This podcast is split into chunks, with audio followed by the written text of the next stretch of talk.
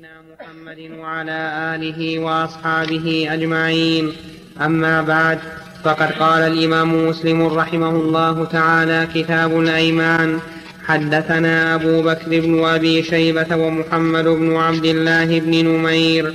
واللفظ لأبي بكر قال حدثنا ابن إدريس عن حسين عن هلال بن يساف قال عجل شيخ فلطم خادما له.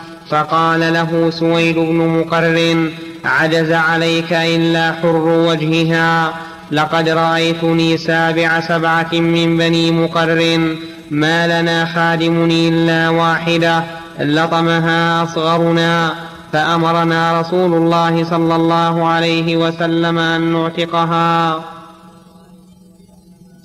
حدثنا محمد بن المثنى وابن بشار قال حدثنا ابن أبي عدي عن شعبة عن حسين عن هلال بن يساف قال كنا نبيع البز في دار سويد بن مقرن أخي النعمان بن مقرن فخرجت جارية فقالت لرجل منا كلمة فلطمها فغضب سويد فذكر نحو حديث ابن إدريس.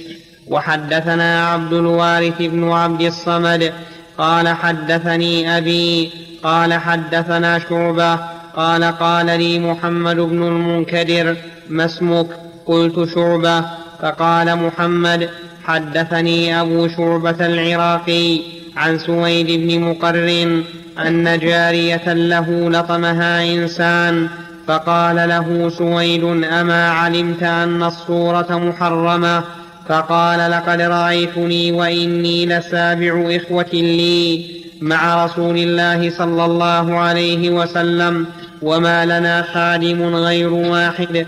فعمد أحدنا فلطمه فأمرنا رسول الله صلى الله عليه وسلم أن نعتقه. وحدثناه إسحاق بن إبراهيم ومحمد بن المثنى عن وهب بن جرير. قال أخبرنا شعبة قال قال لي محمد بن المنكدر ما اسمك؟ فذكر بمثل حديث عبد الصمد حدثنا أبو كامل الجحدري قال حدثنا عبد الواحد يعني ابن زياد قال حدثنا الأعمش عن إبراهيم التيمي عن أبيه قال قال أبو مسعود البدري كنت أضرب غلاما لي بالصوت بالصوت. فسمعت صوتا من خلفي. اعلم أبا مسعود. فلم أفهم الصوت من الغضب. قال فلما دنا مني. إذا هو رسول الله صلى الله عليه وسلم. فإذا هو يقول اعلم أبا مسعود.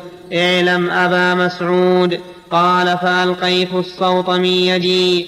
فقال اعلم أبا مسعود أن الله أقدر عليك منك على هذا الغلام؟ قال فقلت لا أضرب مملوكا بعده أبدا. في الحديث الأول أما علمت أن الصورة محرمة يعني ضرب الوجه.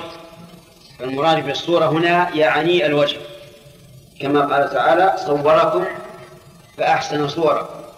وليس المراد الصورة التي هي التصوير. ولا شك أن الضرب على الوجه محرم. وقد نهى النبي صلى الله عليه وسلم أن يضرب الوجه وأن يقبح الوجه. وقال إن الله خلق آدم على صورته أي على صورة الرب عز وجل كما جاء في لفظ آخر على صورة الرحمن. فإذا كان آدم عليه الصلاة والسلام قد خلق على صورة الرحمن فإنه لا ينبغي للإنسان أن يمتهن هذا الآدمي الذي خلق على صورة الله عز وجل بل عليه أن يحترمه ولا سيما الوجه. ولهذا حرم واسم الدواب في وجوهها فإن واسم الدابة على الوجه محرم لأن الوجه أشرف ما في البدن. حتى أن حمارا مر على النبي صلى الله عليه وسلم وهو موسوم في وجهه. فقال النبي صلى الله عليه وعلى آله وسلم لعن الله من وسمه. فدل ذلك على أن واسم البهائم في وجوهها مستحق للعنة ولولا أنه مستحق ما لعنه النبي صلى الله عليه وعلى آله وسلم. وقد كان الجهال من الأعراب وغير الأعراب يسمون الإبل في وجوههم. على خدها. ويقولون هذا آه، دأب أو هذا عادة آبائنا وأجدادنا ولا يمكن أن نغير. فيقال يجب أن نغير. وإذا كنتم حريصين على هذا الشكل من الوسم فاجعلوه في الفخذ اجعلوه في, في العضد أو ما أشبه ذلك. ولا ولا يهوننكم ما ذكرنا أن الله تعالى خلق آدم على صورته أي على صورة الله عز وجل لأنه على صورة ليس لكنه ليس مثله. وهذا هو الجمع بين قوله تعالى ليس كمثله شيء وهو السميع البصير وقول النبي صلى الله عليه وسلم إن الله خلق آدم على صورته. فإن قال قائل الصورة لا بد أن تكون مطابقة قلنا لو قدر أن هذا في المخلوق لم يكن في الخالق لأن الله ليس كمثله شيء. على أنه لا يمكن على أنه لا يجب التساوي حتى في المخلوق. فإن الله الرسول صلى الله عليه وسلم أخبر أن أول زمرة تدخل الجنة على صورة القمر ليلة البدر. ومن المعلوم أنه لا تماثل بين هذا وهذا. فالصواب إجراء الحديث على ظاهره وأنه لا وأن الله ليس كمثله شيء. وأنت إذا جمعت بين النصوص تبين لك أن أن الأمر لا إشكال فيه والحمد لله. وبعضهم قال إن على صورة الرحمن من باب إضافة المخلوق إلى خالقه على سبيل التشريف يعني على الصورة التي اختارها الله عز وجل وأراد أن تكون على هذا الحسن والجمال. فإذا ضربتها وخدشتها فإنك أسأت إلى خلق خلقه الله عز وجل وأضافه إلى نفسه. وهذا وإن كان محتملا وله نظائر لكن إجراؤه على ظاهره مع عدم المماثلة هو الواجب. وفي حديث أبي مسعود ما يدل على أن الإنسان يجب عليه. يجب عليه. إذا كان له السلطة على أحد أن يذكر من هو فوقه وهو الله عز وجل. وأن الرب سبحانه وتعالى أقدر منك عليك عليك من هذا الشخص. وانظر إلى قول الله تعالى واللاتي تخافون نشوزهن فعظوهن واهجروهن في المضاجع واضربوهن فإن أطعنكم فلا تبغوا عليهن سبيلا إن الله كان عليا كبيرا. فختم الله الآية بهذين الاسمين الكريمين حتى تعرف علو الله وكبرياءه وأن علوك على زوجتك وسلطتك عليها لا يجوز أن ينسيك علو من؟ علو الله سبحانه وتعالى. فانتبه لهذه النقطة. كذلك أيضا إذا رأيت أن الله تعالى فضلك على الخادم أما تخشى أن تكون يوما من الدهر خادما؟ عجيب بلى. الأمور تختلف. الأمور تتقلب. يعني في بعض البلاد تجد أن أهلها فقراء وأنهم يجوبون البلاد طولا وعرضا وغربا وشرقا يطلبون لقمة العيش. فإذا الأمور تنعكس ويكونون هم الأغنياء والذين كانوا يذهبون إليهم يريدون لقمة العيش كانوا هم الفقراء. والله عز وجل يقول وتلك الأيام نداولها بين الناس. وفي هذا دليل على أن الغضب قد يفقد الإنسان حواسه. قد يفقد الإنسان حواسه. منين يؤخذ. من قوم فلم أفهم الصوت من الغضب.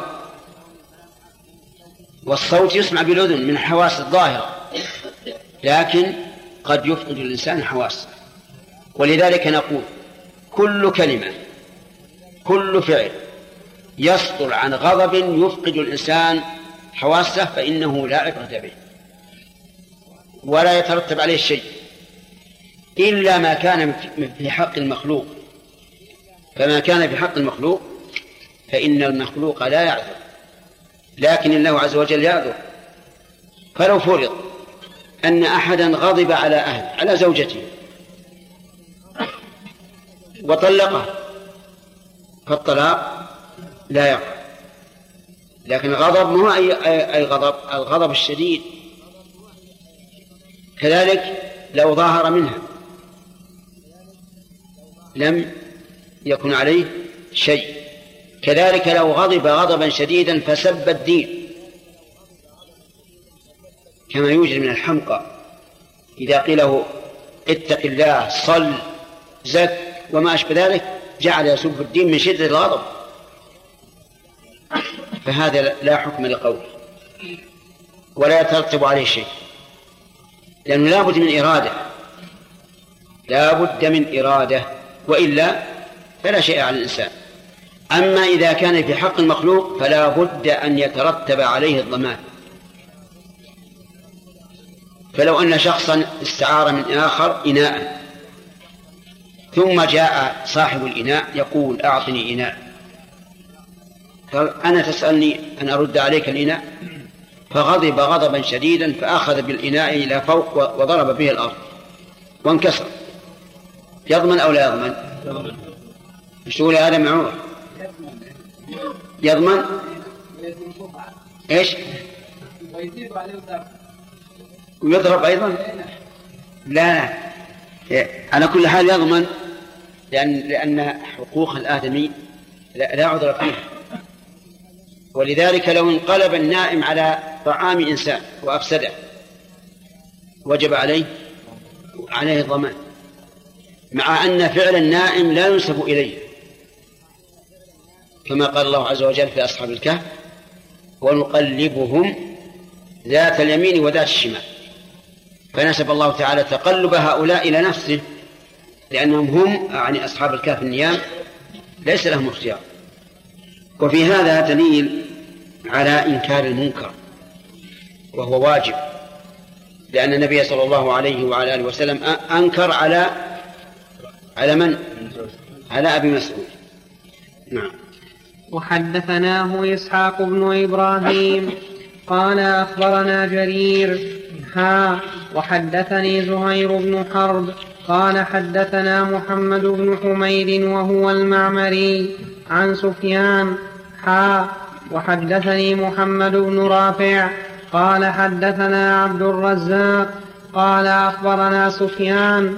حا وحدثنا أبو بكر بن أبي شيبة قال حدثنا عفان قال حدثنا أبو عوانة كلهم عن الأعمش بإسناد عبد الواحد نحو حديثه غير أن في حديث جرير فسقط من يد الصوت من هيبته. نعم. وفي هذا دليل على أنه ينبغي الإنسان الواعظ أن يكرر ما به يزداد تزداد رهبة المخاطب. لأن الرسول صلى الله عليه وسلم كرر اعلم أبا مسعود اعلم أبا مسعود اعلم أبا مسعود. ولا شك أن هذا التكرار سوف يولد في قلب المخاطب هيبة وذعرا وخوفا. ولكل مقام مقال.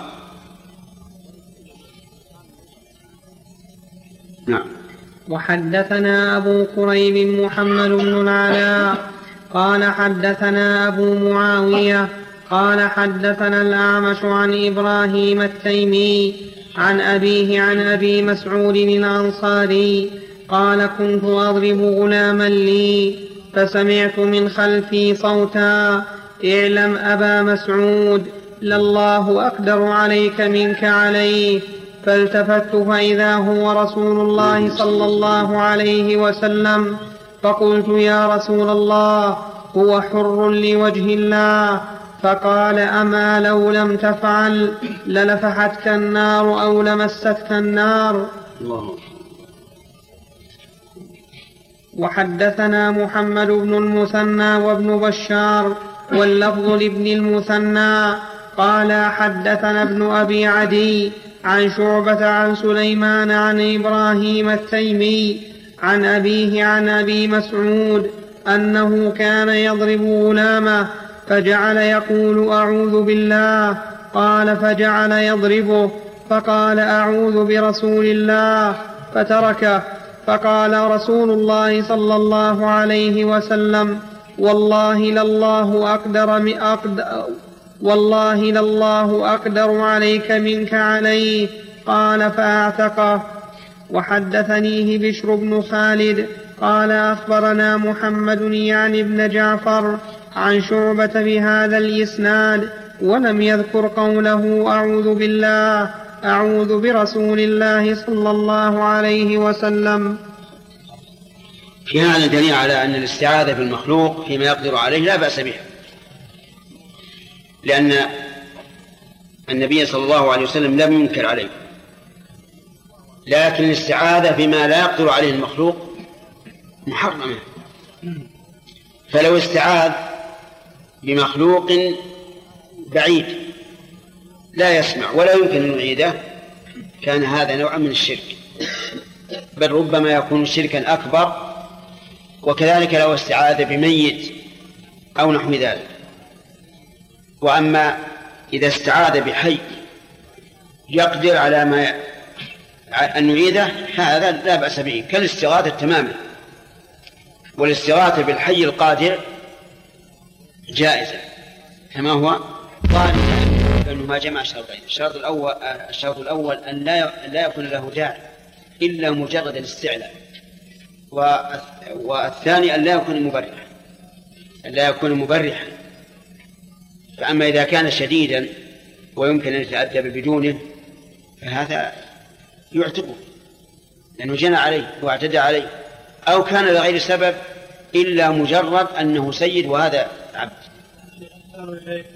لو إنسان ضرب أما أو عبد رجل آخر فكيف الخارج؟ يضرب لأن الصحيح أن أنه يقتص من الضربة واللطمة وشق الثوب شق العمامة وما أشبه ذلك. نعم. حديث معاوية بن سويد. نعم. قال لما أمرهم النبي صلى الله عليه وسلم يعتقوه قالوا ليس لنا خادم إلا إلا هذا. فقال استخدموه. هل استخدامه يكون بأجرة أم بغير أجرة؟ لا بغير أجرة. لذا في الحاجة لأنه قالوا أنهم محتاجون. هم سبعة ليس عندهم خادم. فهم محتاجون فأذن لهم أن يستخدموه وهو حر. نعم. باب التغليظ على من قذف مملوكه بالزنا. وحدثنا أبو بكر بن أبي شيبة قال حدثنا ابن نمير. حا. وحدثنا محمد بن عبد الله بن نمير. قال حدثنا أبي. قال حدثنا فضيل بن غزوان. قال سمعت عبد الرحمن بن أبي نعم. قال حدثني أبو هريرة قال قال أبو القاسم صلى الله عليه وسلم من قذف مملوكه بالزنا يقام عليه يوم يقام عليه الحد يوم القيامة إلا أن يكون كما قال. وحدثناه أبو كريب قال حدثنا وكيع. حا. وحدثني زهير بن حرب قال حدثنا إسحاق بن يوسف إسحاق بن يوسف الأزرق كلاهما عن فضيل بن غزو بن غزوان بهذا الإسناد. وفي حديثهما سمعت أبا القاسم صلى الله عليه وسلم نبي التوبة هذا يدل على أن قذف المملوك أشد من قذف الحر. لأن قذف المملوك يقام عليه الحد يوم القيامة. وعذاب الآخرة أشد من عذاب الدنيا. أما قذف الحر فيقام عليه الحد في الدنيا بالشروط المعروفة. وقوله في الحديث من قذف مملوكة يعلم منه أنه لو قذف مملوك غيره فليس الحكم كذلك. وذلك أن من قذف مملوك غيره فإنه يعزر التعزير البليغ الذي يرجعه وأمثاله عن هذا. ولكن هل يعزر بمئة جلدة؟ لا. يعزر بتسعين؟ لا. يعزر بثمانين؟ لا. يعزر بأقل؟ نعم. لأن القاعدة في التعزير أنه لا يبلغ به الحد إذا كان من جنسه قذف الحر كم؟ ثمان جلد. فلا يمكن أن يكون التعزير بقذف المملوك مثل الثم... مثل الحر ثمانين.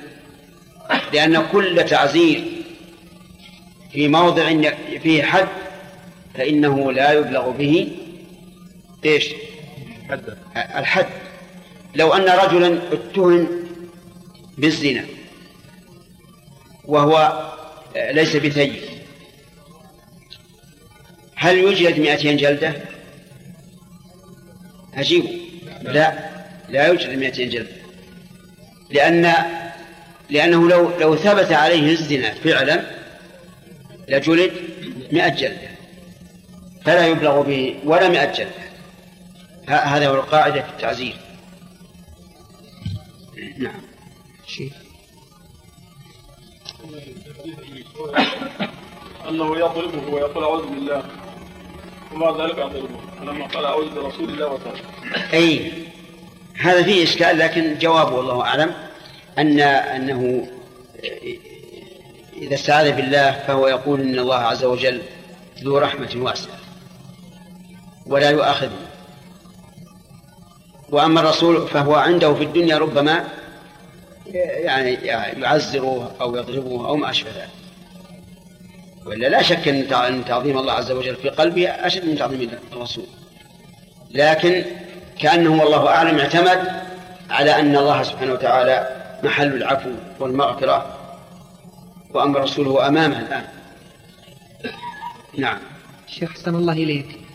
زماننا هذا لا يوجد فيه مماليك. نعم. لكن نشاهد كثيرا من الناس يقصون على الخدم والسائقين. إي نعم. إما بالضرب أو بالشتم والسب وربما في كثير من الأحيان لأتفه الأسباب. فما ترون يا شيخ في هذا؟ هل يعني صحيح المماليك الآن غير موجودين لكن موجود الخدم. بعض الناس والعياذ بالله يقسو على الخدم قسوة عظيمة. ولا كأنهم بشر. وهذا لا شك أنه حرام. فإن الرسول عليه الصلاة والسلام يقول المسلم أخذ المسلم وقال لا أحقره وكفى بالإنسان إثما أن يحقر أخاه المسلم. ولكن والعياذ بالله الذي لا يخاف الله مشكل أمره مشكل. ولا الذي ينبغي أن تجبر خاطر هؤلاء وأن تكرمهم وألا وألا تقف أمامهم وكأنك أعلى منهم لأنهم مساكين جاءوا لفقر تركوا أوطانهم وأهليهم وجاءوا إليك ثم تريهم العزة والعياذ بالله والكبرياء. يؤمر الإنسان بالصدقة يا شيخ عليهم نعم. يؤمر الإنسان بالصدقة عليهم إذا ضربهم أو أساء إليهم. ربما يقال يعني أنه إما أن يكرمهم إكراما مقابلا للإهانة أو يتصدق عليهم. شيخ اسمع عليك بعضهم حدد الاستعاذة الشركية إيش؟ بعضهم حد الاستعاذة الشركية من يطلب من المخلوق ما نقد عليه. هذا المخلوق. بعضهم قال أن يطلب من المخلوق ما نقد عليه إلا الله عز وجل. أيهما أصوب؟ إيش؟ ما ما فهمت. الأول الأول بعضهم قال أن يطلب من المخلوق ما لا يقدر عليه هذا المخلوق. ما لا يقدر عليه؟ هذا المخلوق نفسه نعم. المدعو. وبعضهم قال أن يطلب من المخلوق ما لا يقدر لأن نقول الاستعاذة بالمخلوق الجائزة هي هو الذي يستعيذ بمخلوق يستطيع أن أن يعيده. هذا هذا الله الشركية ها؟ الشركية ضد هذا. أن أن يستعيذ بمخلوق لا يستطيع أن يعيده. نعم. باب إطعام المملوك مما يأكل وإلباسه مما, مما يلبس ولا يكلفه ما يغلبه. حدثنا أبو بكر بن أبي شيبة قال حدثنا وكيع قال حدثنا الأعمش عن المعرور بن سويد قال مررنا بأبي, بأبي ذر بالربذة وعليه برد وعلى غلامه مثله. فقلنا يا أبا ذر لو, جم لو, جم لو جمعت بينهما كانت حلة فقال إنه كان فقال إنه كان بيني وبين رجل من إخواني كلام وكانت أمه أعجمية فعيرته بأمه فشكاني إلى النبي صلى الله عليه وسلم فلقيت النبي صلى الله عليه وسلم فقال يا أبا ذر إنك امرؤ فيك جاهلية. قلت يا رسول الله من سب الرجال سبوا أباه وأمه. قال يا أبا ذر إنك امرؤ فيك جاهلية. هم إخوانكم. جعلهم الله تحت أيديكم. فأطعموهم مما تأكلون وألبسوهم مما تلبسون ولا تكلفوهم ما يغلبهم. فإن كلفتموهم فأعينوهم. اللهم قوله فيك جاهلية فيه دليل على أن أن الجاهلية تجتمع مع الإسلام. وهذا هو مذهب أهل السنة أنه يمكن أن يجتمع في الإنسان خلال إيمان وخلال كفر وإسلام وجاهلية. وأما من قال إنه لا يمكن فقوله مردود قال النبي صلى الله عليه وسلم اثنتان في الناس هما بهم كفر. الطعن في النسب والنياحة على الميت. وهنا قال إنك امرؤ فيك جاهلية. وفي قوله صلى الله عليه وعلى آله وسلم هم إخوانكم من طلب الحنو والشفقة. ما هو ظاهر؟ لأن الإنسان يحنو على أخيه ويشفق عليه ويكرمه ولا يؤذيه. نعم. وحدثناه أحمد بن يونس قال حدثنا زهير. حا معنى قول من سب من سب الرجال سبوا أباه, أباه وأمه؟ شرح يا شيخ. شرح. معنى كلام أبي ذر الاعتذار عن سبه أم ذلك الإنسان يعني أنه سبني ومن سب إنسانا سب ذلك الإنسان أبا الساب وأمه. فأنكر عليه النبي صلى الله عليه وسلم وقال هذا من أخلاق الجاهلية وإنما يباح للمسبوب أن يسب الساب نفسه بقدر ما سب ولا يتعرض لأبيه ولا لأمه. هذا هو الصحيح. إذا سبك أحد لا تسب أباه ولا أمه. لكن لو سب أباك وأمك فإن النبي صلى الله عليه وسلم لما قال لعن الله من لعن والديه قالوا كيف يلعن الرجل والديه؟ قال يسب أبا الرجل فيسب أباه ويسب أمه فيسب أمه. والصحيح مع أن العقل والدين يقتضي أن لا تسب أمه ولا أباه ولا يسب أباك وأمك. لكن مقتضى الفطرة أن الإنسان يريد أن يقتص لنفسه بمثل ما أوذي به. والرسول عليه الصلاة والسلام أراد بيان الواقع ولم يريد أن ولم يريد أن يبين جواز أن تسب أبا الرجل إذا سب أباك أو تسب أمه إذا سب أمك لا يريد هذا. لكن يريد بيان الواقع بمقتضى الطبيعة. ونظير هذا أن الرسول أحيانا يبين الواقع بقطع النظر عن كونه حلالا أو حراما أنه أخبر بأن هذه الأمة ستركب سنن من كان قبلها. وهل أخبر بذلك على سبيل الإباحة؟ لا. وأخبر أن المرأة الضعينة. تسير من كذا إلى كذا. لا تخشى إلا الله. وهذا الخبر ليس معناه أنه يجوز لها أن تفعل لأن النبي صلى الله عليه وسلم قال لا تسافر امرأة إلا مع ذي محرم. لكن لبيان الواقع. نعم. وحدثناه أحمد بن يونس قال حدثنا زهير حا وحدثنا أبو كريب قال حدثنا أبو معاوية. حا وحدثنا إسحاق بن إبراهيم. قال أخبرنا عيسى بن يونس كلهم عن الأعمش بهذا الإسناد. وزاد في حديث زهير وأبي, وأبي معاوية بعد قوله إنك امرؤ فيك جاهلية. قال قلت على حال ساعتي من الكبر. قال نعم. وفي رواية أبي معاوية نعم على حال ساعتك من الكبر. وفي حديث عيسى فإن كلفه ما يغلبه فليبع وفي حديث زهير فليعنه عليه. وليس في حديث أبي معاوية فليبعه ولا فليعنه انتهى عند قوله ولا يكلفه ما يغلبه. حدثنا محمد بن المثنى وابن بشار واللفظ لابن المثنى. قال حدثنا محمد بن جعفر قال حدثنا شعبة عن واصل الأحدب عن المعرور بن سويد قال رأيت أبا ذر وعليه حلة وعلى غلامه مثلها فسألته عن ذلك قال فذكر أنه ساب رجلا على عهد رسول الله صلى الله عليه وسلم فعيره بأمه.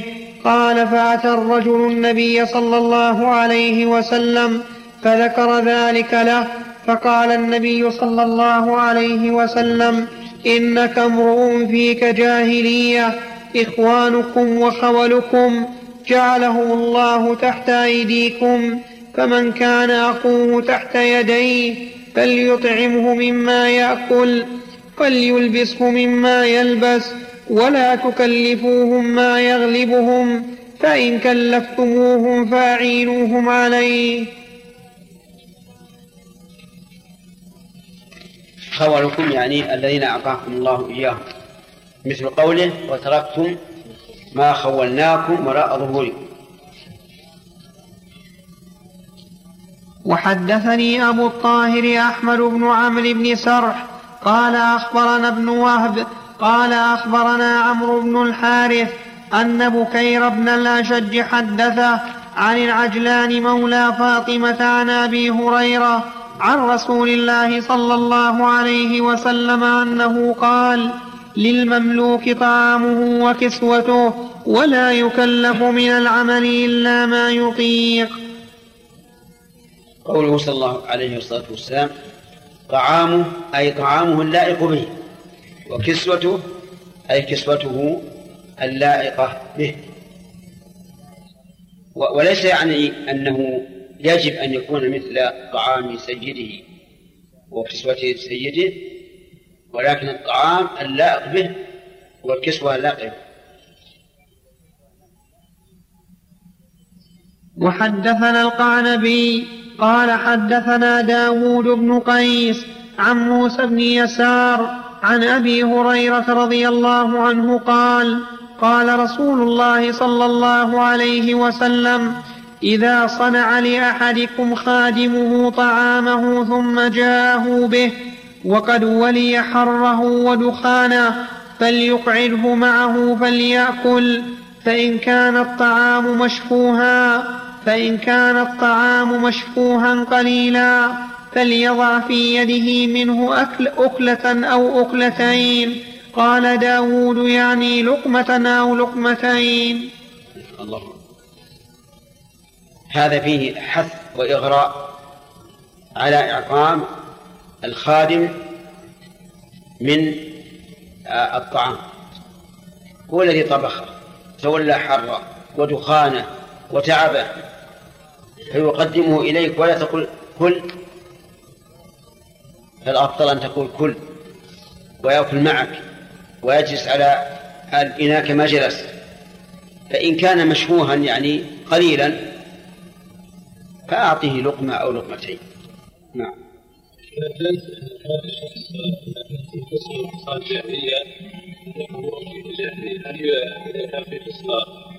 هل النصارى أو اليهود يقال لهم يهوديه أخشى أن يقع فتنة. ولا ما إذا إذا كان فيه خصلة يصلح. أو خصلة من النفاق يصح ان تقول إن فيك خصلة من النفاق. إذا كان حسودا تقول فيك خصلة من خصال اليهود لكن أخشى من الفتنة. إذا سب يعني أراد وقال له لك مثل وأنت أيضا يعني أخشى من إذا سب أبا الرجل وقال لك مثل نفس الشيء لم يريد أن المهم ماذا تقتضي 对。باب ثواب العبد واجره اذا نصح لسيده واحسن عباده الله حدثنا يحيى بن يحيى قال قرأت على مالك عن نافع عن ابن عمر أن رسول الله صلى الله عليه وسلم قال إن العبد إن العبد إذا نصح لسيده وأحسن عبادة الله فله أجره مرتين. نعم بسم الله. بسم الله الرحمن الرحيم. الحمد لله رب العالمين وصلى الله وسلم على عبده ورسوله نبينا محمد وعلى آله وصحابته أجمعين. قال المترجم لصحيح مسلم رحمه الله تعالى باب ثواب العبد وأجره إذا نصح لسيده وأحسن عبادة الله. قال مسلم رحمه الله تعالى حدثنا يحيى بن يحيى قال قرأت على مالك عن نافع عن ابن عمر أن رسول الله صلى الله عليه وسلم قال إن العبد إذا نصح لسيده وأحسن عبادة الله فله أجره مرتين. وحدثني له أجر مرتين الأجر الأول إحسان عبادة الله عز وجل والثاني نصحه لسيده. فإن نصحه لسيده باختيار الأمثل له في كل ما يتعامل به وخدمته على الوجه الأكمل أوجبت له الأجر. نعم. وحدثني زهير بن حرب ومحمد بن المثنى قال حدثنا يحيى وهو, وهو القطان.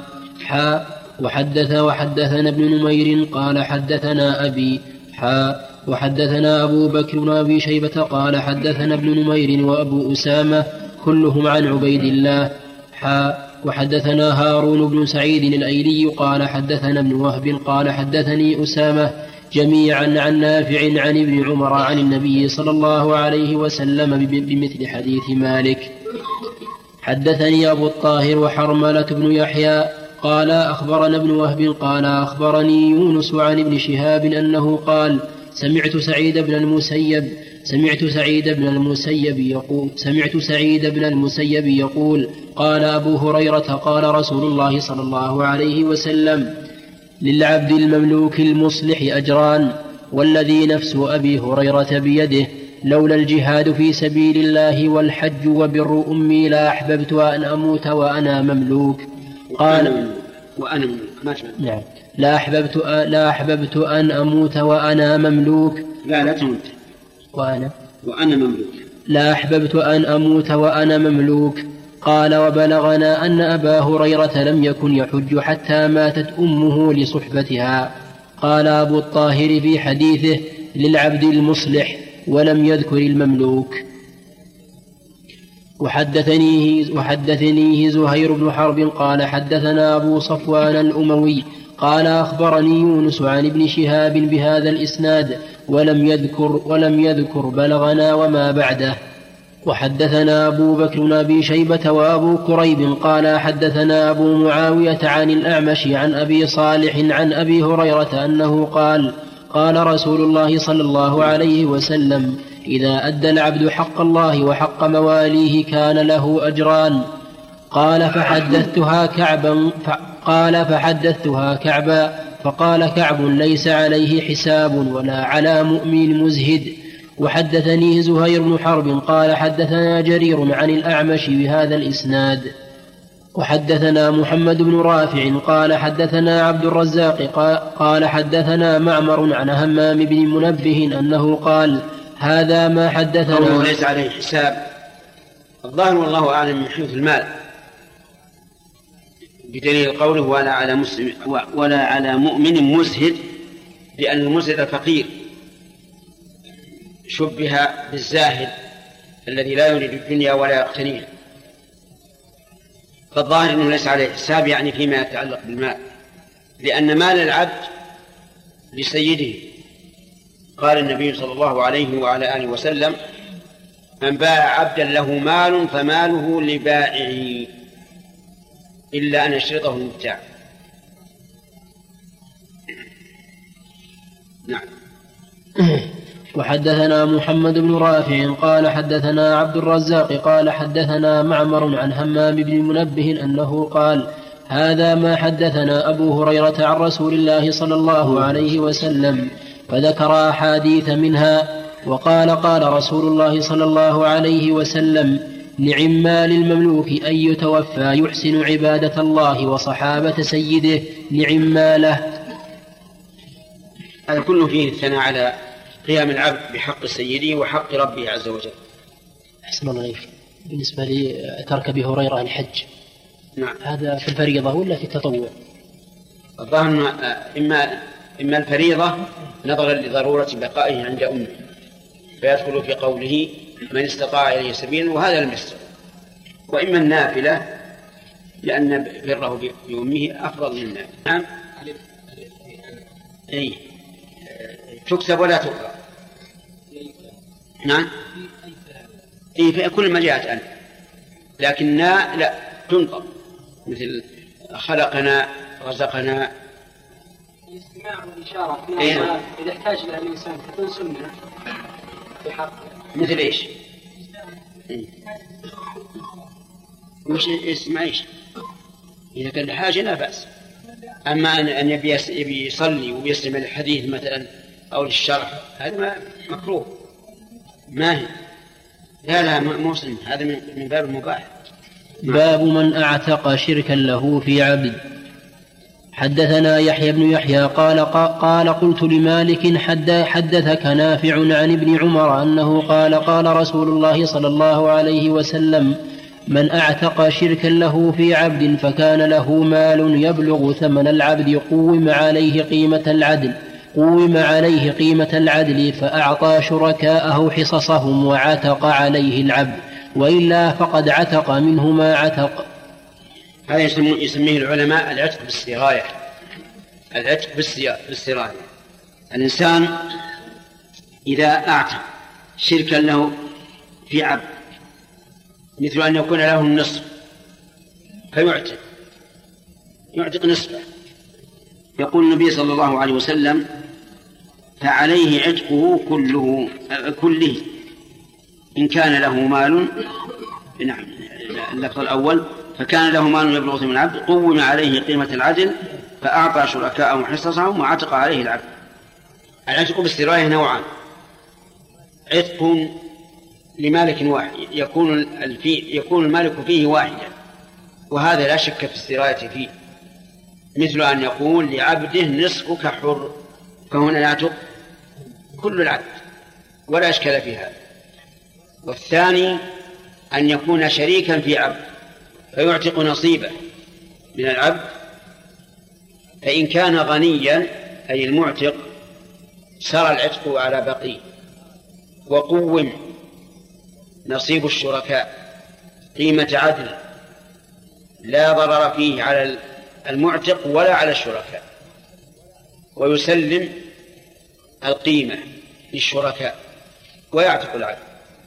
فإن كان غير موسر يعني الذي أعتق نصيبه من هذا العبد غير موسر عتق نصيبه وبقي نصيب شركائه على رقه.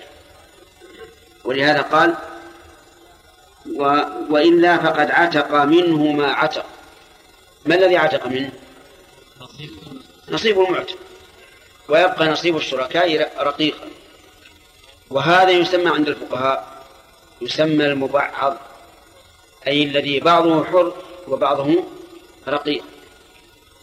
لكن في حديث آخر ربما يذكر مسلم رحمه الله أنه إذا كان المعتق لنصيبه فقيرا فإن العبد يستسعى يعني يقال له اكتسب واسعى ثم أعطي أسيادك قيمة نصيبهم وتعتق فهمتم هذا؟ يعني رجل له نصف هذا هذا العبد وله شريكان في النصف الثاني فأعتق نصيبه إن كان غنيا إيش الحكم؟ يعتق العبد كله ويقوم النصف الذي للشريكين قيمة عدل لا وكس ولا شطر وإن كان فقيرا فإنه يعتق من العبد نصيبه الذي اعتقه ويبقى نصيب الشركاء على رقه. لكن إن كان العبد يمكن أن يستسعى بأن يكون كاسبا إما بتجارة أو بحراثة أو بأي عمل فإنه يقال له اكتسب. يقوم الباقي مثلا بقيمته ويقال اكتسب وأعطي سادتك قيمة نصيبهم وتعفو أما إذا كان العبد لا يستطيع أن يكتسب فحينئذ يعتق منه إيش؟ ما عتق. وظاهر وظاهر الحديث الذي معنا ظاهر اللفظ أنه وإن كان العبد قادرا على على السعي فإنه لا يستسعى ويعتق منه ما عتق نعم. حدثنا ابن حدثنا ابن نمير قال حدثنا أبي قال حدثنا عبيد الله عن نافع عن ابن عمر أنه قال قال رسول الله صلى الله عليه وسلم من أعتق شركا له من مملوك فعليه عتقه كله إن كان له مال يبلغ ثمنه فإن لم يكن له مال عتق منه ما عتق. وحدثنا شيبان بن فروخ قال حدثنا جرير بن حازم عن نافع مولى عبد الله بن عمر عن عبد الله بن عمر أنه قال أنه قال قال رسول الله صلى الله عليه وسلم من أعتق نصيبا له في عبد فكان له من المال قدر ما يبلغ قيمته قوم عليه قيمة عدل وإلا فقد عتق منه ما عتق. وحدثنا قتيبة بن سعيد ومحمد بن رمح عن الليث بن سعد. حاء وحدثنا محمد بن المثنى قال حدثنا عبد الوهاب قال سمعت يحيى بن سعيد. حاء وحدثني أبو الربيع وحدثني أبو الربيع وأبو كامل قال حدثنا حماد وهو ابن زيد.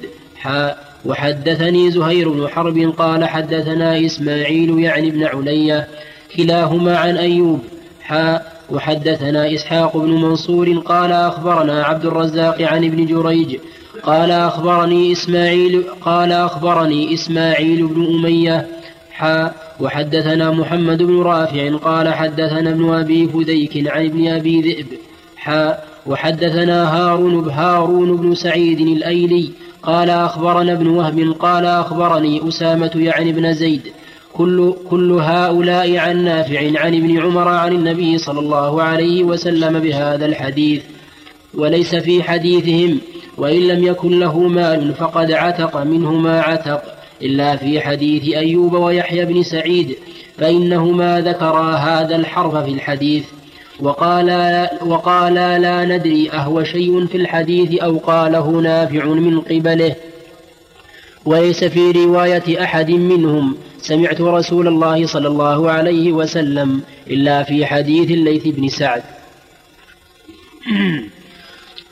وحدثنا عمرو الناقد وابن أبي عمر كلاهما عن ابن عيينة كلاهما عن ابن عيينة أنه كلاهما عن ابن عيينة قال قال ابن أبي عمر حدثنا سفيان بن عيينة عن عمرو عن سالم بن عبد الله عن أبيه أن رسول الله صلى الله عليه وسلم قال من أعتق عبدا بينه وبين آخر قوم عليه في ماله قيمة عدل لا وكس ولا شطط ثم عتق عليه من ماله إن كان موسرا. وحدثنا عبد بن حميد قال حدثنا عبد الرزاق قال أخبرنا معمر عن الزهري عن سالم عن ابن عمر عن, ابن عن سالم عن ابن عمر أن النبي صلى الله عليه وسلم قال من أعتق شركا له في عبد عتق ما بقي في ماله إذا كان له مال يبلغ ثمن العبد. وحدثنا محمد بن المثنى ومحمد بن بشار واللفظ لابن المثنى قال حدثنا محمد بن جعفر قال حدثنا شعبة عن قتادة عن النضر بن أنس عن بشير بن نهيك عن أبي هريرة عن النبي صلى الله عليه وسلم أنه قال في المملوك بين الرجلين فيعتق أحدهما قال يضمن. وحدثناه عبيد الله بن حدث وحدثناه عبيد الله بن معاذ قال حدثنا أبي قال حدثنا شعبة بهذا الإسناد قال من أعتق شقيصا من مملوك فهو حر من ماله. وحدثني عمرو الناقد قال حدثنا إسماعيل بن إبراهيم عن ابن أبي عروبة عن قتادة عن النضر بن أنس عن بشير بن نهيك عن أبي هريرة عن النبي صلى الله عليه وسلم أنه قال من أعتق شقيصا له في عبد فخلاصه في ماله إن كان له مال فإن لم يكن له مال استسعي العبد غير مشقوق عليه. هذا هذا ما أشرنا إليه أول استسعي يعني قيل لهم اسعى بطلب الكسب. بعد أن نقوم باقيه بقيمة عدل ثم يوفى الشركاء. ويعتق وحدثناه أبو بكر بن أبي شيبة قال حدثنا علي بن مسهر ومحمد بن ومحمد بن بشر حاء وحدثنا إسحاق بن إبراهيم وعلي بن خشرم قال أخبرنا عيسى بن يونس جميعا عن ابن أبي عروبة بهذا الإسناد. إيش بعده؟ نعم. إيش بعده؟ وفي؟ وفي؟ عندي طمس. أخبرنا عيسى بن يونس جميعا عن ابن أبي عروبة بهذا الإسناد وفي حديث عيسى. جميعا عن ابن أبي عروبة بهذا الإسناد وفي حديث وفي حديث عيسى ثم يستسعى في نصيب الذي لم يعتق غير مشقوق عليه. حدثنا علي بن حجر السعدي وأبو بكر بن أبي شيبة وزهير, وزهير بن حرب قالوا حدثنا إسماعيل وهو وقالوا حدثنا إسماعيل وهو ابن علية عن أيوب عن أبي قلابة عن أبي المهلب عن عمران بن حسين أن رجلا أعتق ستة مملوكين له عند موته لم يكن له مال غيرهم فدعا بهم رسول الله صلى الله عليه وسلم فجزأهم أثلاثا ثم أقرع بينهم فأعتق اثنين وأرق أربعة وقال له قولا شديدا وذلك لأنه الإنسان عند موته لا يملك أن يتبرع بأكثر من الثلث. كالوصية. وقد قال النبي صلى الله عليه وسلم الثلث والثلث كثير. وقوله وقال له قولا شديدا الظاهر أن اللام بمعنى في يعني وقال فيه قولا شديدا. لأن ذلك تعدى الحدود في كونه أعتق كل الستة وليس له مال سواه. نعم. حدثنا قتيبة بن سعيد قال حدثنا حماد حا وحدثنا إسحاق بن إبراهيم وابن أبي عمر عن الثقفي كلاهما عن أيوب بهذا الإسناد. أما حماد فحديثه كرواية ابن فيه إشكال الرسول جزاءهم وأقرع بينهم. لو قال قائل لماذا لا نقول إنه يعتق, يعتق من كل واحد ثلث؟ قلنا لأن الشارع له تشوف في في العتق ولو لو أعتق من كل واحد ثلثه لزم من ذلك السراية. وإذا سرت عاد الأمر إلى أن يعتقوا كله. وهذا هو السر في أن الإمام في أن مسلم رحمه الله وضع هذا الحديث في من أعتق شركا له في عبد لأننا لو قلنا بأن نجزئهم ونقول يعتق من كل واحد ثلثه لازم أن يسر العتق في باقيه وحينئذ إيش؟ يعود الأمر إلى عتق الجميع. وفي هذا الحديث استعمال القرعة وأنها طريق شرعي لتمييز المنبهم. وقد جاءت في القرآن في موضعين في قول الله تبارك وتعالى وما كنت لديهم إذ يلقون أقلامهم أيهم يكفل مريم. فإن هذه قرعة وقال تعالى في يونس إذ أبق إلى الفلك المشحون فساهم فكان من المدحضين يوسف يونس عليه الصلاة والسلام هرب من قوم. لأنهم لم يؤمنوا. فخرج مغاضبا. فركب سفينة مشحونة. ولما كانوا في أدنى البحر قالوا لا يمكن السفينة الآن لا يمكن أن تعبر إلى الشاطئ. فلا بد أن ننزل منها أحدا. من ينزلون؟ الشيوخ عجيب. لا. يعني لو قالوا نزل الشيوخ لأن أجالهم والله أعلم قريبة قلنا وما تجيكم فلعل الشباب. آجالهم قريبة ننزل الشباب الصغار الأطفال لأنهم لم يبلغوا أن ينفع أن ينفعوا الناس. لا. من ننزل؟ القرعة. نقرع. فمن خرجت عليه القرعة ألقيناه في البحر. وذلك لأنه إذا لزم ارتكاب مفسدتين وجب إيش؟ ارتكاب أدناهما فأيما أولى أن يغرق الجميع أو البعض؟ لا شك البعض. المهم أنه ساهم فكان من المدحورين. فألقي في البحر فيسر الله له موتا التقمه دون أن يمضغه أكله جميعا حتى استقر في بطنه. والقصة معروفة. المهم أنها فيها إثبات إيش؟ إثبات القرعة وفي السنة في ست مواضع ستة مواضع جاءت القرعة عن النبي صلى الله عليه وعلى آله وسلم. وأما من قال إنها إنها قمار وأنها لا تجوز فهذا قياس في مصادمة النص النص فهو فاسد الاعتبار. ثم هو قياس باطل في نفسه. لأن القرعة إذا إذا لزم منها أن تكون قمارا فإنها لا تحل. فلو كان شريكان في بر لكل واحد نصف ثم قسماه أثلاثا ثلثين وثلثا وقال نريد أن نقرع فالقرعة هنا حرام. لا لا تجوز. لماذا؟ لأنها قمار. سيكون أحدهما إما غانما وإما غارما. لكن لو قسمه نصفين كما هو ملكهما.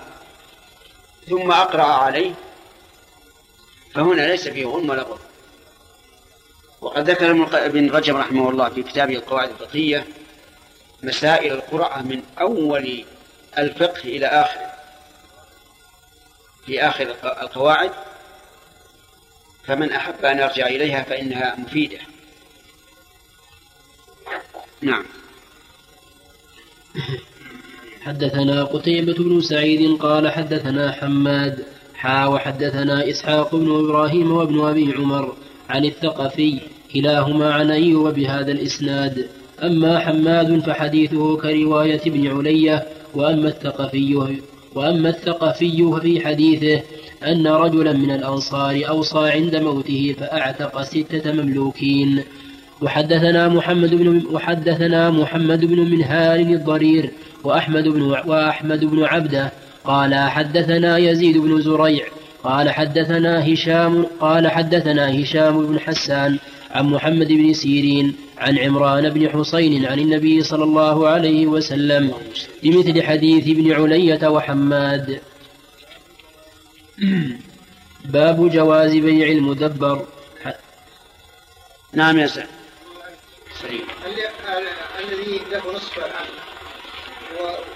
وأعطت نصفه النصف الثاني يكون عليه هو يكون عليه الحسب الإلزام هل يكون له شيء له شيء كامل؟ مثل مثل ولا يكون ولا ينقص عليه على حسب نيته إذا كان نيته أن يعتق نصيبا ليعتق وهو يعرف أنه سيعتق الجميع فيكتب له الأجر كامل. وأما إذا لم يكن كذلك فيكون له أجر الالتزام. الالتزام بإعتاق الباب ولكن لو قال قائل هل يجوز للإنسان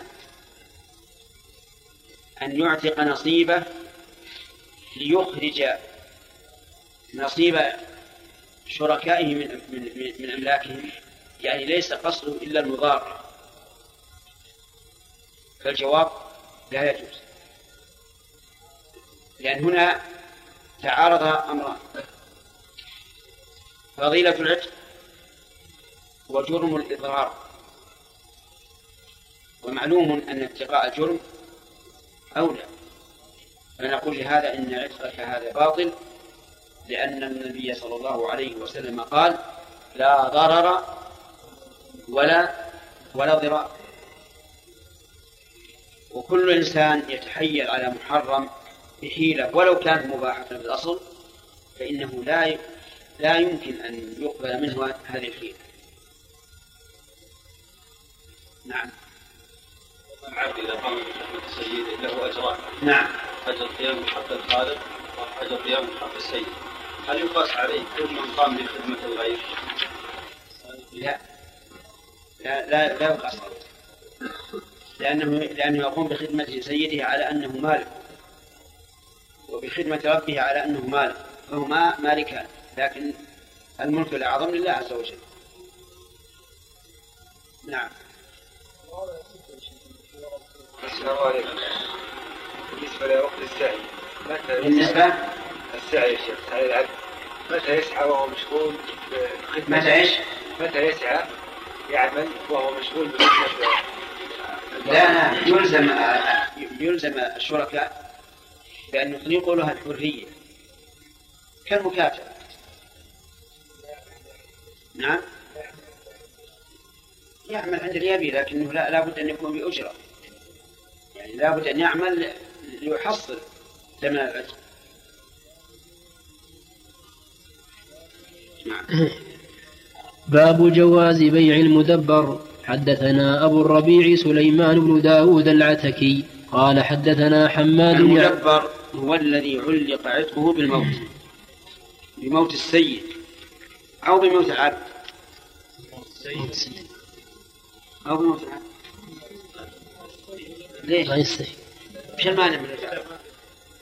إذا مات فلا عتق إذا مات فلا عتق إذا بموت السيد. فيقول إذا مت فعبدي حر وسمي مدبرا لأن عتقه كان دبر حياة سيده.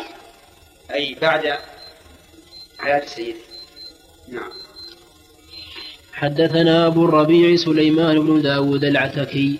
قال حدثنا حماد عن ابن زيد عن عمرو عن عمرو بن دينار عن جابر بن عبد الله أن رجلا من الأنصار أعتق غلاما له عن دبر لم يكن له مال غيره فبلغ ذلك النبي صلى الله عليه وسلم فقال من يشتريه فقال من يشتريه مني؟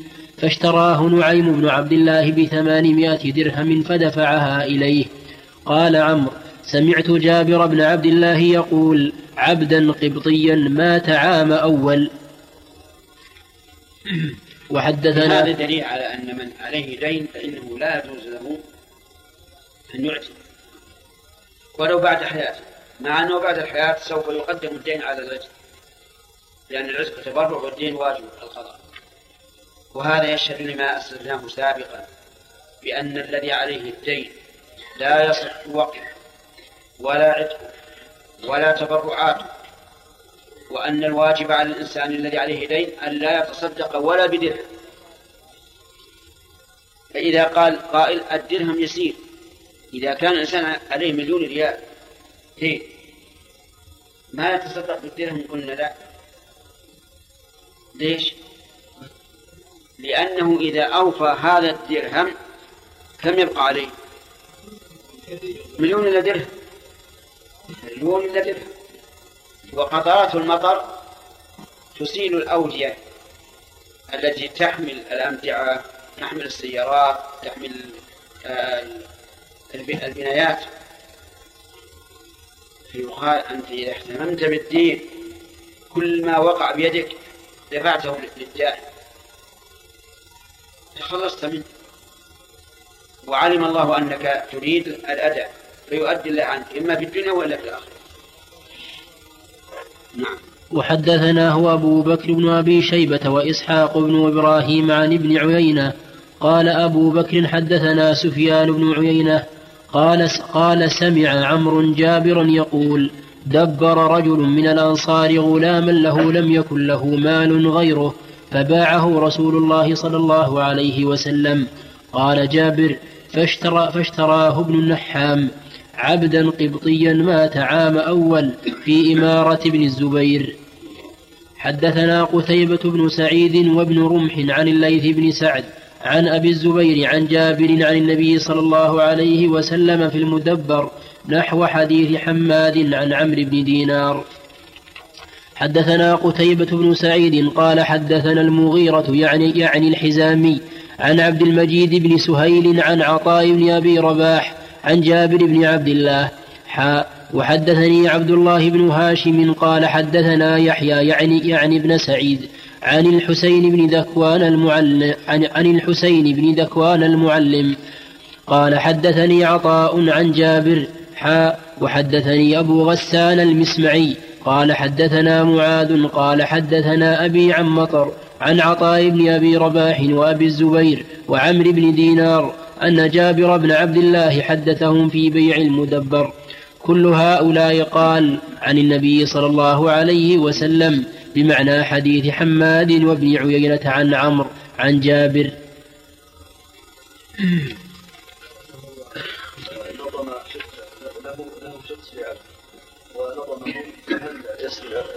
لا. لأنه يعني إذا لطمه لا يعتق بمجرد اللطم لكن يجب عليه أن يعتق من وجبت عليه رقبة للعتق وهل له أن يعتق نصفين نصف من عبد ونصف من عبد آخر هذا إن سرى فلا بأس وإن لم يسر فلا. بمع أنه إذا كان غني سرى فلا بأس. لأنه الآن أعتق اثنين لكن بطريق غير مباشر نعم. نعم. نعم. المدبر يا شيخ يترك هذا ما ليس له مال غيره. جاءت الصورة يا شيخ. نعم. إذا رجل أراد أن يعتق عبده عن دبر نعم. هل يحسب هذا من ثلث المال أم لا من رأس المال. بسم الله الرحمن الرحيم. كتاب القسم. معنى أنه يؤخذ من رأس المال ما نقول ثلث المال فقط يعني مقدم على كل شيء حتى على الوصية. الدين مقدم حتى على الوصية. نعم. بسم الله الرحمن الرحيم. كتاب القسامة كتاب القسامة والمحاربين والقصاص والديات. باب القسامة حدثنا قتيبة بن سعيد قال حدثنا ليث عن حدثنا ليث عن يحيى عن يحيى وهو, وهو ابن سعيد عن عن بشير بن يسار عن عن سهل بن أبي حثمة قال يحيى وحسبت قال قال يحيى وحسبت قال وعن رافع بن خديج أنهما قالا خرج عبد أنهما قالا خرج عبد الله بن سهل بن زيد ومحيصة ومحيصة بن مسعود بن زيد. حتى حتى إذا كانا بخيبر حتى إذا كانا بخيبر تفرقا في بعض ما هنالك. ثم ثم إذا ثم إذا محيصة يجد عبد الله بن سهل يجد عبد الله بن سهل قتيلا فدفنه ثم أقبل إلى رسول الله صلى الله عليه وسلم. هو هو هو وحويصة بن مسعود وعبد وعبد الرحمن بن سهل. وكان أصغر القوم فذهب عبد الرحمن ليتكلم قبل صاحبيه فقال له رسول الله صلى الله عليه وسلم كبر الكبر في السن. فصمت فتكلم صاحباه وتكلم معهما فذكروا لرسول الله صلى الله عليه وسلم مقتل عبد الله بن سهل فقال لهم أتحلفون خمسين يمينا فتستحقون صاحبكم أو قاتلكم؟ قالوا وكيف نحلف ولم نشهد؟ قال فتب فقال فتب قال فتبرئكم يهود بخمسين يمينا. قالوا وكيف نقبل أيمان قوم كفار؟ فلما رأى ذلك رسول الله صلى الله عليه وسلم أعطى عقله. القسامة هي أيمان مكررة في دعوى قتل معصوم. أيمان مكررة في دعوى قتل معصوم. يعني أن المدعين يحلفون أيمانا مكررة خمسين يمينا. في دعوى القتل. مثال ذلك رجل ادعى ادعى أن فلانا قتل أباه. وبدون بينة. فإذا تمت شروط قسامة قلنا لهذا الرجل الذي ادعى أن فلانا قتل أباه قلنا له احلف خمسين يمينا. فإذا حلف خمسين يمينا استحق وهي في الحقيقة موضع إشكال. ولذلك لم يقض بها بعض الخلفاء كعمر بن عبد العزيز رحمه الله. لكن السنة أولى أن تتبع. الإشكال من حيث أن هذا المدعي يدعي ما لم يرى. يعني قد لا يرى أنه قتل كما في قصة خيبر. هذه القصة. ثانيا أنه كيف تكون الإمام من جانب المدعي؟ وهي في الأصل من جانب المدعى عليه. الثالث كيف تكرر؟ والأيمان لا تكرر. اليمين الواحد يقرأ به الإنسان. فهي مشكلة من هذه الوجوه الثلاثة وإن شئتم ذكرناها بعد الأذان وإن شئتم أجلناها للقادم لليلة القادمة. أيهما؟ نعم. بعد الأذان؟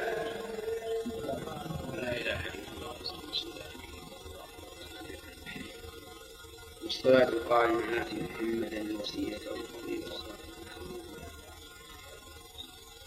فالإشكالات الآن من وجوه ثلاثة. الأول كيف يحلف؟ على شيء لم يشاهد؟ والثاني كيف تكون اليمين في جانب المدعي والثالث كيف تكرر؟ خمسين يمينا. أما الأول فنقول إنه يجوز للإنسان أن يحلف بغلبة الظن إذا وجدت القرائن. ولا إثم عليه في هذا. وأما كونها في جانب المدعي فإن الأيمان ليست في جانب المدعي دائما بل الأيمان في جانب من يقوى جانبه من مدع أو مدع عليه. وليست في جانب المدعى عليه دائما. وله شواهد. منها لو, ادعى شخص على آخر بدين وأقام شاهدا فهنا نقول للمدعي احلف مع الشاهد ويحكم لك. فصارت اليمين اليمين الآن في جانب من؟ في جانب المدعي. إذا فليست اليمين في جانب المدعي بل اليمين في جانب من هو أقوى الجانبين. سواء المدعي أو المدعى عليه. وهنا في القسامة جانب المدعي أقوى لأنه مبني على قرائن مبني على قرائن وهي العداوة. ولا أحد يخفى عليه في قصة عبد الله بن سهل لا أحد يخفى عليه أن اليهود أعداء لمن؟ للمسلمين ما في أشكال. فهنا جانب المدعي أقوى فصارت اليمين في جانبه. الثالث تكرارها. كررت لعظم الدماء لأنه إذا تمت القسامة وحلف المدعي حكم بالقصاص أو بالماء. فلعظم الدماء صار لا بد من تكرار الأيمان. أما لماذا كانت.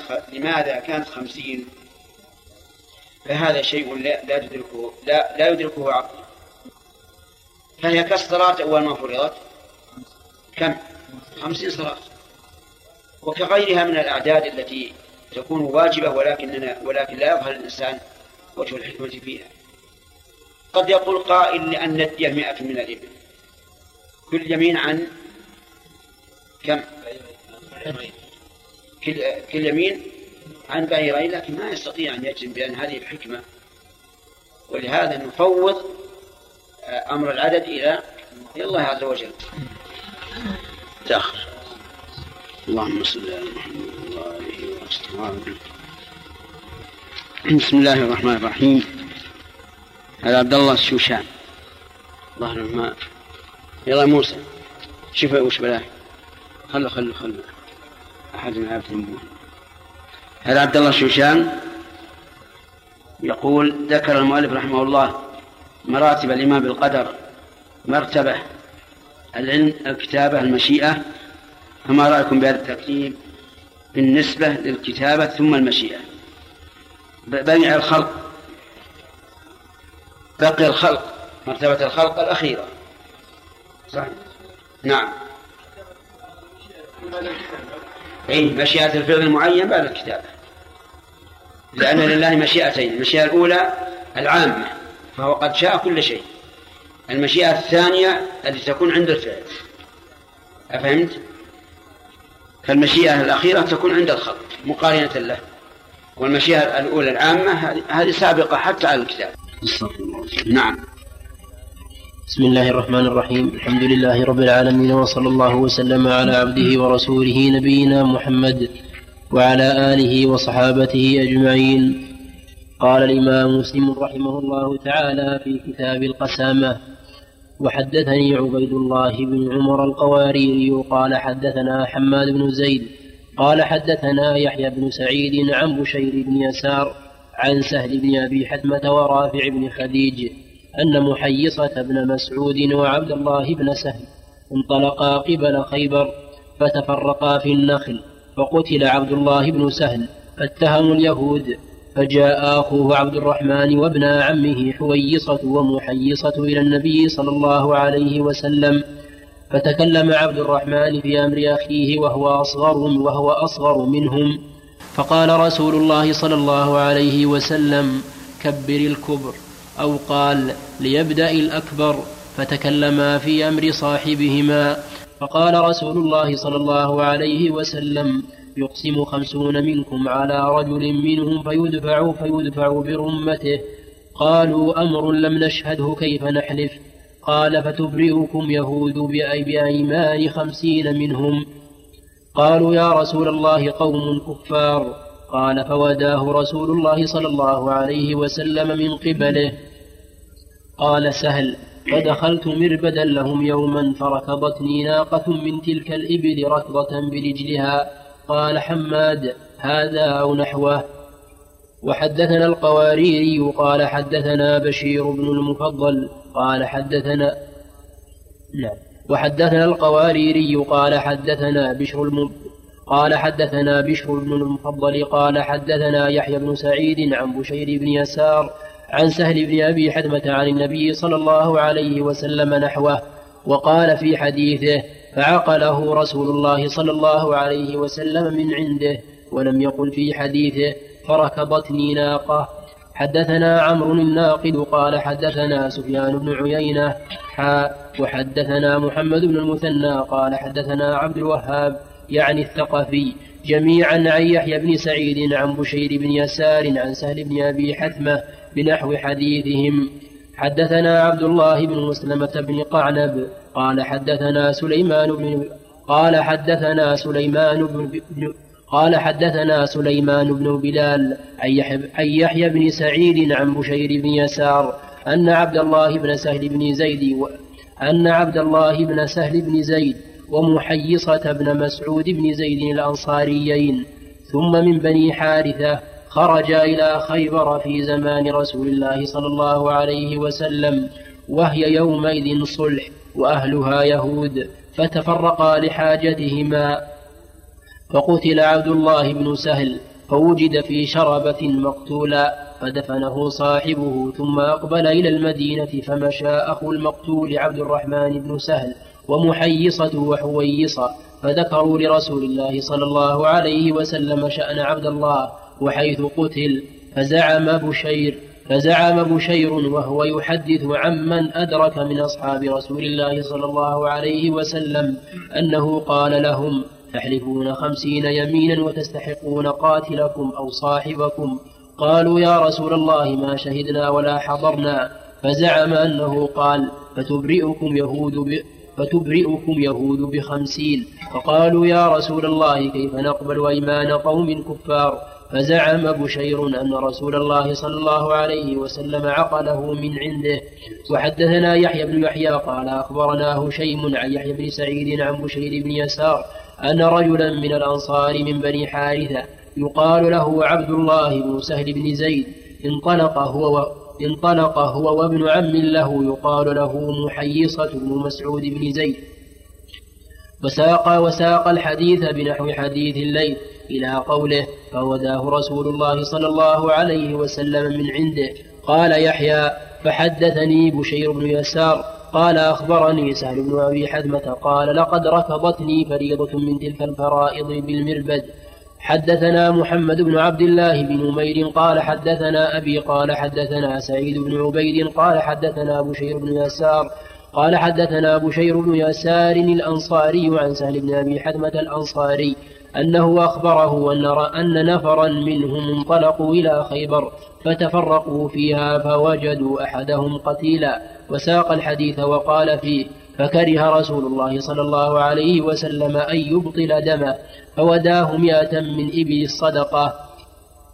حدثني إسحاق بن منصور قال حدثنا بشر بن عمرو قال سمعت مالك بن أنس يقول حدثني أبو ليلى عبد الله بن عبد الرحمن بن سهل عن سهل بن أبي حثمة أنه أخبره عن رجال من كبراء قومه أن عبد الله بن سهل ومحيصة خرجا إلى خيبر من, من جهد أصابهم.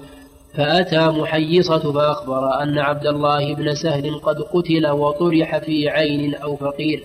فأتى يهود فقال أنتم والله قتلتموه. قالوا والله ما قتلناه ثم أقبل حتى قدم على قومه فذكر لهم ذلك ثم أقبل هو وأخوه حويصة وهو أكبر منه وعبد الرحمن بن سهل فذهب محيصة ليتكلم وهو الذي كان بخيبر فقال رسول الله صلى الله عليه وسلم لمحيصة كبر كبر يريد السن. فتكلم حويصة ثم تكلم محيصة فقال رسول الله صلى الله عليه وسلم إما أن يدوا صاحبكم وإما أن يؤذنوا بحرب.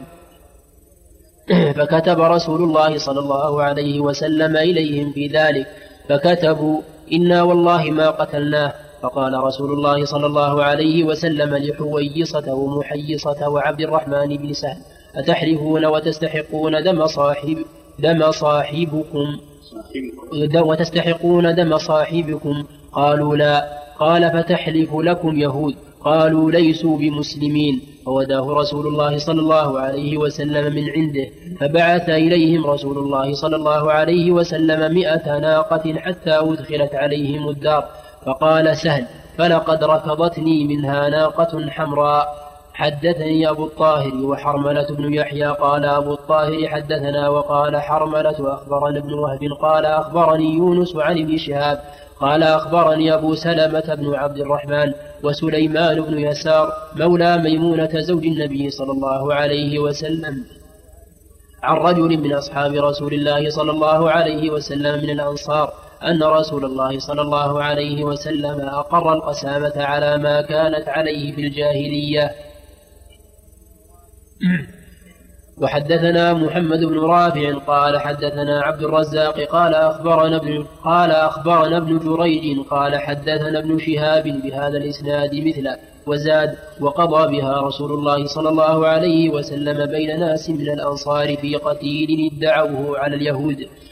وحدثنا حسن وحدثنا حسن بن علي الحلواني قال حدثنا يعقوب وهو ابن إبراهيم بن سعد قال حدثنا أبي عن صالح عن ابن شهاب أن أبا سلمة بن عبد أن أبا سلمة بن عبد الرحمن وسليمان بن يسار أخبراه عن ناس من الأنصار عن النبي صلى الله عليه وسلم بمثل حديث ابن جريج.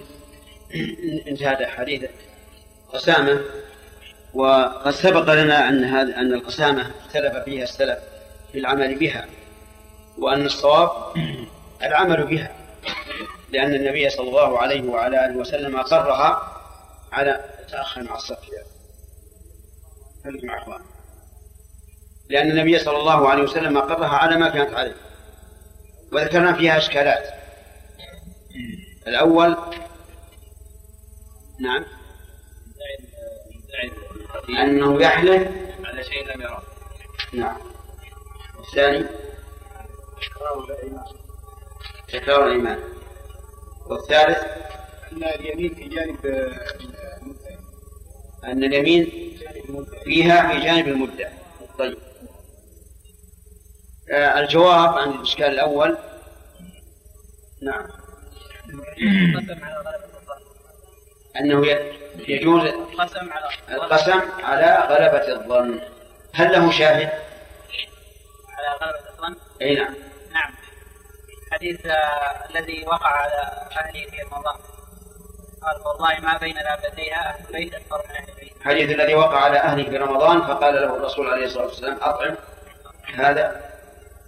قال والله ما بين لبتيها أهل بيت أكثر مني. فأقره النبي صلى الله عليه وسلم على هذه اليمين مع أنه لم يذهب إلى جميع الأبيات ويعيشها نعم. تكرار الإيمان. نعم. لأن دعوة الجماع عظيمة احتاجت إلى التكرار طيب. تقييده بخمسين يا أسامة. نعم. الحكمة عند الله. لا, لا نعرف. قال البعض أن كل ناقة لكل ناقتين يمين. طيب. كونها في جانب المدعي الأخ. أنت. ان اليمين لا تكون دائما. في جانب المدعي وانما تكون في جانب الاقوى أقوى. المتداعيين إذا هي لم تخالف الأصول. لم تخالف الأصول لأن اليمين في جانب أقوى المتداعيين آه، هل لهذا شاهد أنها في أقوى المتداعيين رجل حق عند رجل وعنده شاهد واحد. فيطلب منه يمين فيطلب منه اليمين. فإذا شهد فإذا حلف مع الشاهد قضي له بما ادعاه نعم. إذا ذكرناه البارحة